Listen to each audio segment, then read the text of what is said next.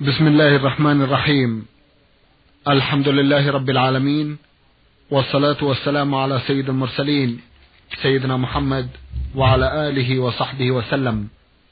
مستمعي الكرام السلام عليكم ورحمة الله وبركاته وأسعد الله أوقاتكم بكل خير. هذه حلقة جديدة مع رسائلكم في برنامج نور على الدرب. رسائلكم في هذه الحلقة نعرضها على سماحة الشيخ عبد العزيز بن عبد الله بن باز الرئيس العام لإدارات البحوث العلمية والإفتاء والدعوة والإرشاد. في بداية لقائنا نرحب بسماحة الشيخ ونشكر له تفضله بإجابة السادة المستمعين فأهلا وسهلا بالشيخ عبد العزيز. حياكم الله وبارك أولى رسائل هذه الحلقة رسالة وصلت إلى البرنامج من القصيم عنيزة. باعثتها إحدى الأخوات من هناك تقول ميم سين جيم أختنا تسأل سؤالا هام فيما أرى سماحة الشيخ تقول هل صحيح أن عدم ذهاب الرجل للصلاة مع الجماعة سبب في نزع البركة من حاله وماله وما الدليل على ذلك؟ بسم الله الرحمن الرحيم. الحمد لله وصلى الله وسلم على رسول الله. وعلى آله وأصحابه ومن اهتدى بهداه. أما بعد فلا ريب أن الصلاة هي عمود الإسلام وهي أعظم الواجبات والفرائض بعد الشهادتين. وقد دل على ذلك آيات كثيرات وأحاديث صحيحة عن رسول الله عليه الصلاة والسلام.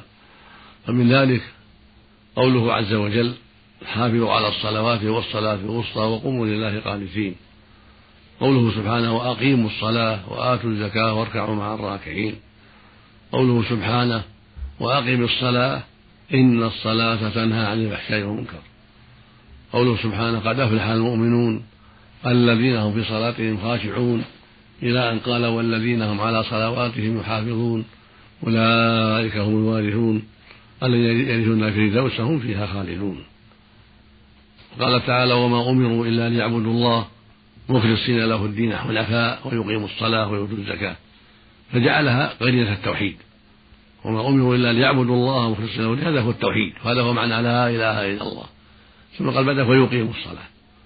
قال سبحانه فإن تابوا يعني من الشرك وأقاموا الصلاة وآتوا الزكاة فخلوا سبيلهم. فدل على عظمتها وأنها قرينة التوحيد. قال سبحانه فإن تابوا وأقاموا الصلاة وآتوا الزكاة فإخوانكم في الدين. قال النبي صلى الله عليه وسلم أمرت أن أقاتل الناس حتى يشهدوا أن لا إله إلا الله وأني رسول الله ويقيموا الصلاة ويؤتوا الزكاة. فإذا عصموا فإذا فعلوا ذلك عصموا لدماءهم وأموالهم إلا بحق الإسلام. ومن أهم واجباتها وأعظم واجباتها أداؤها في الجماعة بحق الرجل. حتى أوجبها الرب سبحانه في حال الخوف. قال جل وعلا وإذا كنت فيهم فأقمت لهم الصلاة فلتكن طائفة منهم معك وليأخذوا أسلحتهم. فإذا سجدوا فليكونوا من ورائكم. ولتأتي طائفة أخرى لم يصلوا فليصلوا معك وليأخذوا حذرهم وأسلحتهم. الآية. فأوجب صلاة الجماعة في حال الخوف وفي حال مصافة المسلمين لعدوهم الكافر. فأمرهم أن يصلوا جماعة وأن يحملوا السلاح لئلا يحمل عليهم العدو. وقال عليه الصلاة والسلام من سمع النداء فلم يأت فلا صلاة له إلا من عذر وأتاه صلى الله عليه وسلم رجل أعمى. فقال يا رسول الله إنه ليس لي قائد لائمني المسجد. فهل لي من رخصة أن أصلي في بيتي؟ فقال المصطفى عليه الصلاة والسلام هل تسمع النداء بالصلاة؟ قال نعم. قال فأجب. خرجه مسلم في صحيحه. فهذا رجل أعمى لم يأذن له النبي صلى الله عليه وسلم التخلف عن الجماعة وفي اللفظ الآخر قال لا أجد لك رخصة. لا أجد لك رخصة. فصرح أنه ليس له رخصة. وهو أعمى. ليس له قائد يلائمه يعني يحافظ على الذهاب معه.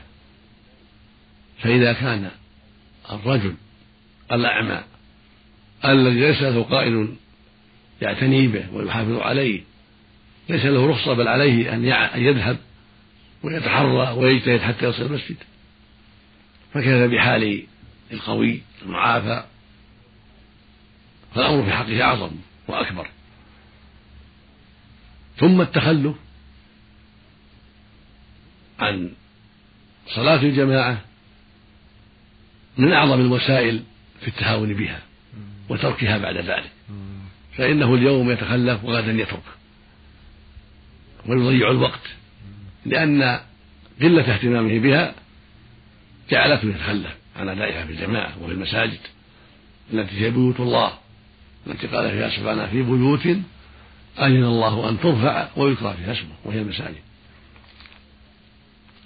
وهذا أمر مجرب فإن الذين يتخلفون عن الجماعة يسهل عليهم ترك الصلاة بأدنى عذر وبأقل سبب ثم بعد ذلك يتركونها بالكلية لقلة وقعها في صدورهم ولقلة عظمتها في قلوبهم فيتركونها بعد ذلك. فترك الصلاة في الجماعة وسيلة غريبة وذريعة معلومة لتركها بالكلية وقد قال عليه الصلاة والسلام في الحديث الصحيح العهد الذي بيننا وبينهم الصلاة فمن تركها فقد كفر. خرجه الإمام أحمد في مسند وأبو داود الترمذي والنسائي وابن ماجه بإسناد صحيح عن بريدة بن الحصين رضي الله تعالى عنه. وخرج مسلم في الصحيح عن جابر بن عبد الله الأنصاري رضي الله تعالى عنهما عن النبي صلى الله عليه وسلم قال بين الرجل وبين الكفر والشرك ترك الصلاة. وهذا يدل على أنه كفر أكبر قال الكفر. والشرك. فأتى بكفر معرف والشرك المعرف وهذا دليل على أن المراد به الكفر الأكبر. وإن كان بعض أهل العلم رأى أنه كفر دون كفر إذا كان غير جاحد لوجوبها بل يعلم أنها واجبة ولكن تساهل فقد ذهب جمع كبير من العلم. حكى بعضهم قول الأكثرين أنه كفر دون كفر وأنه لا يكفر بالكفر الأكبر. لكن الصحيح الذي قامت عليه الأدلة أنه كفر أكبر. وهو ظاهر إجماع الصحابة قبل من خالفهم بعد ذلك. وقد حكى عبد الله بن شقيق العقيلي التابعي الجليل الثقة عن أصحاب النبي صلى الله عليه وسلم أنهم كانوا لا يرون شيئا تركوا كفر إلا الصلاة. فإنهم الصلاة تركها كفر. ومراده كفر أكبر. لأن هناك أشياء عملها كفر لكن ليس هو كفر أكبر. مثل الطعن في الأنساب والنياحة على الأموات سماها النبي كفر. والصحابة يسمونها كفر لكنه كفر أصغر فلما أخبر عنهم أنهم لا يرون شيئا تركوا كفر إلا الصلاة علم أنه أراد بذلك كفر أكبر كما جاء في الحديث. وأما كون هذه المعصية تسبب محق البركة وتسبب أيضا شرا كثيرا عليه في بدنه وفي تصرفاته فهذا لا يستغرب. فإن المعاصي لها شؤم كثير ولها عواقب وخيمة في نفس الإنسان وفي قلبه وفي تصرفاته وفي رزقه. فلا يستغرب هذا فقد دلت الأدلة على أن المعاصي لها عواقب وخيمة. وقد قال النبي صلى الله عليه وسلم في الحديث الصحيح إن العبد لا يحرم الرزق بالذنب يصيبه. إن العبد لا يحرم الرزق بالذنب يصيبه. ومعلوم أن المعاصي تسبب الجد في الأرض ومنع المطر. وحصول الشدة وهذا كله في أسباب المعاصي. كما قال عز وجل وما أصابكم من مصيبة فبما كسبت أيديكم ويعفو عن كثير. قال سبحانه وما ما أصابك من حسنة من الله وما أصابك من سيف من نفسك. هذا أمر معلوم. بالنصوص وبالواقع.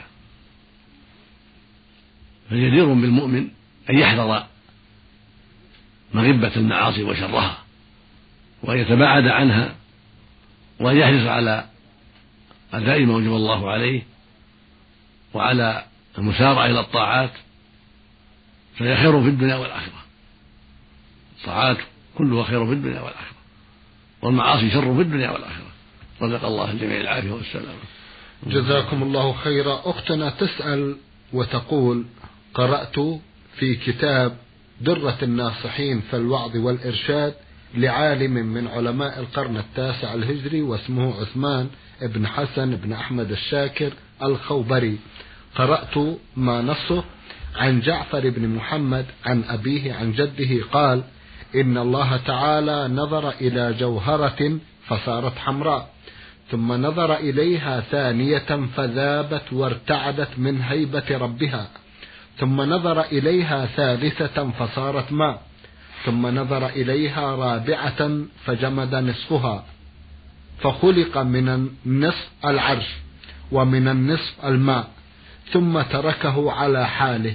فمن ثمة يرتعد إلى يوم القيامة. وعن علي رضي الله عنه إن الذين يحملون العرش أربع ملائكة لكل ملك أربعة وجوه.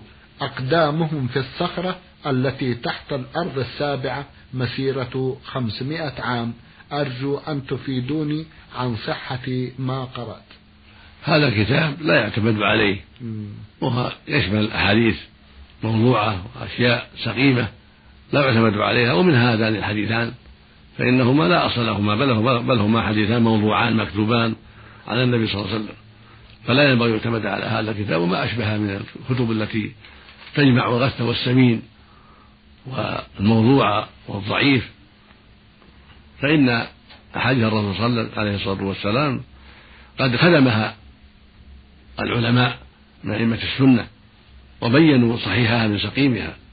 فينبغي للمؤمن أن يقتني الكتب الجيدة المفيدة مثل الصحيحين مثل كتب الخمسة الأربع السنن الأربع مثل منتقى الأخبار لابن تيمية مثل رياض الصالحين للنووي. هذه كتب مفيدة ونافعة بلوغ المرام عمدة الحديث.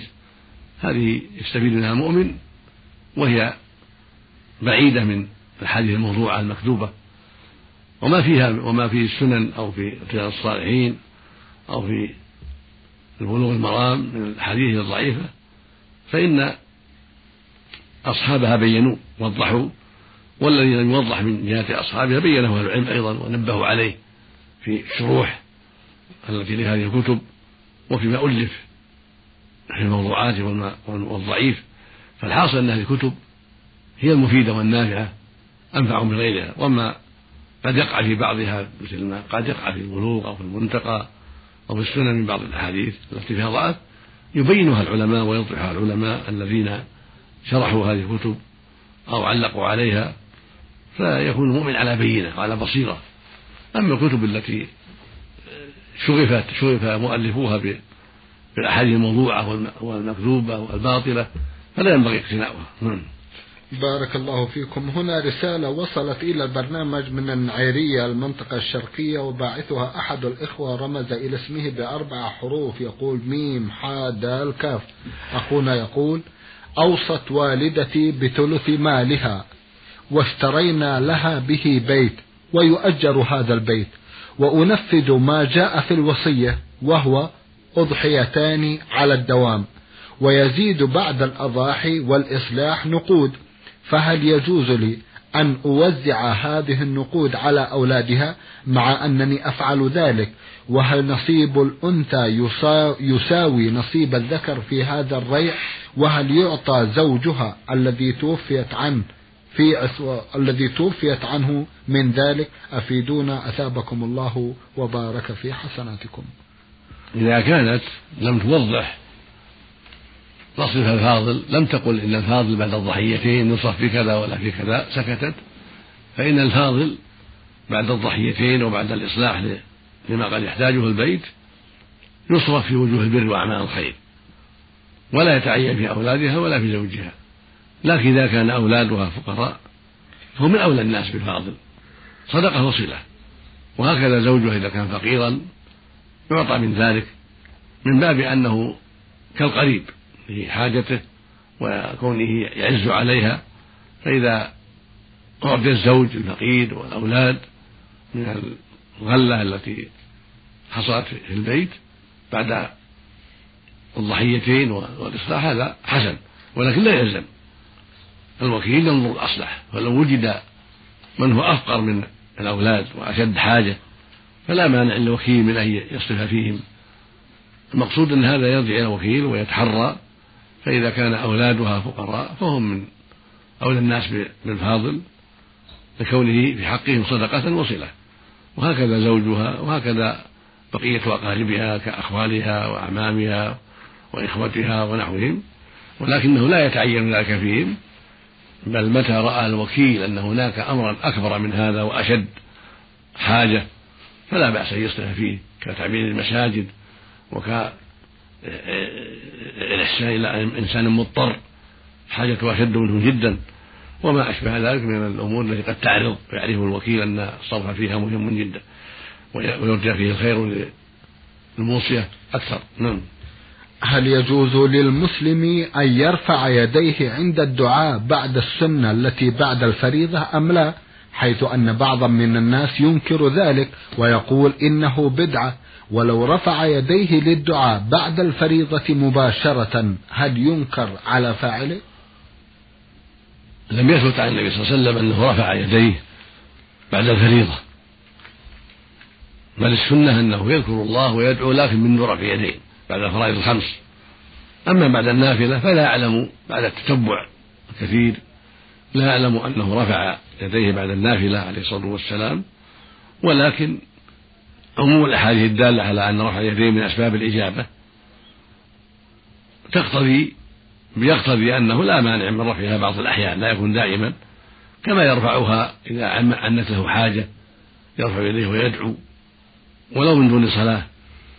فإذا صلى ورفع يديه يطلب المغفرة ويطلب حاجته التي عنت له فلا بأس بذلك.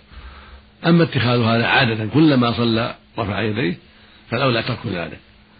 وقد ورد في حديث ضعيف لا لا يتعلق به.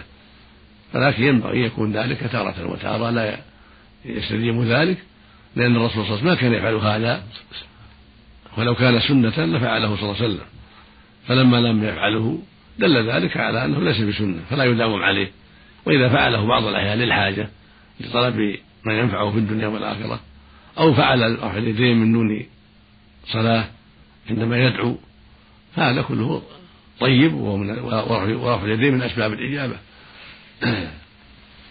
وفي هذا الحديث الصحيح يقول صلى الله عليه وسلم إن ربكم حي كريم يستحي من عبده رفع يديه إليه يردهما صفرا. وفي الحديث الآخر يقول صلى الله عليه وسلم لما ذكر أن الله تعالى طيب لا يقول طيبا ذكر الرجل يطلب السفر يطلب السفر أشعث أغبر يمد يديه إلى السماء يا رب يا رب ومطعمه حرام ومشربه حرام. وملبسه حرام ووجه بالحرام فأنا يستجاب لذلك. فدل على رفع اليدين والإلحاح في الدعاء من أسباب الإجابة. لكن لما كان هذا الرجل قد تلبس بالحرام صار في عطيه الحرام في شربه وأكله ولباسه من أسباب من الإجابة. لا حول ولا قوة إلا بالله. والخلاصة نعم. أن رفع اليدين من أسباب الإجابة عند الدعاء. نعم. في المواضع التي رفع فيها النبي صلى الله عليه وسلم. وفي المواضع التي لم يثبت فيها رفع. ولم توجد أسبابها في عهده صلى الله عليه وسلم فهذه يرفع فيها أيضا إذا أراد الدعاء. أما الأسباب التي وجدت في عهده صلى الله عليه وسلم ولم يرفع فيها مثل صلاة الفريضة لم يرفع فيها عليه الصلاة والسلام. فإن نترك كما ترك عليه الصلاة والسلام. مثل خطبة الجمعة لم يرفع فنترك لا نرفع. مثل الدعاء في آخر الصلاة قبل أن يسلم وبعد السلام ما رفع فلا نرفع. في صلاة الفريضة. مثل الدعاء بين السجدتين ما رفع فلا نرفع. بل ندعو وليد على الفخذين أو على الركبتين من غير رفع. لأننا نتأسى به صلى الله عليه وسلم في ذلك ونقتدي به عليه الصلاة والسلام.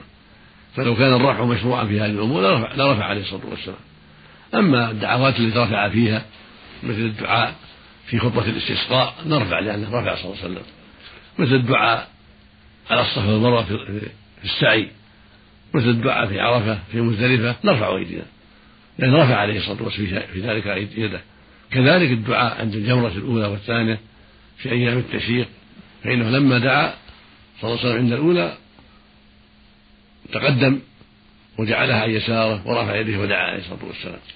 ولما رجم الثانية أخذ ذات الشمال وجعلها عن يمينه ورفع يديه واستقبل القبله ودعا.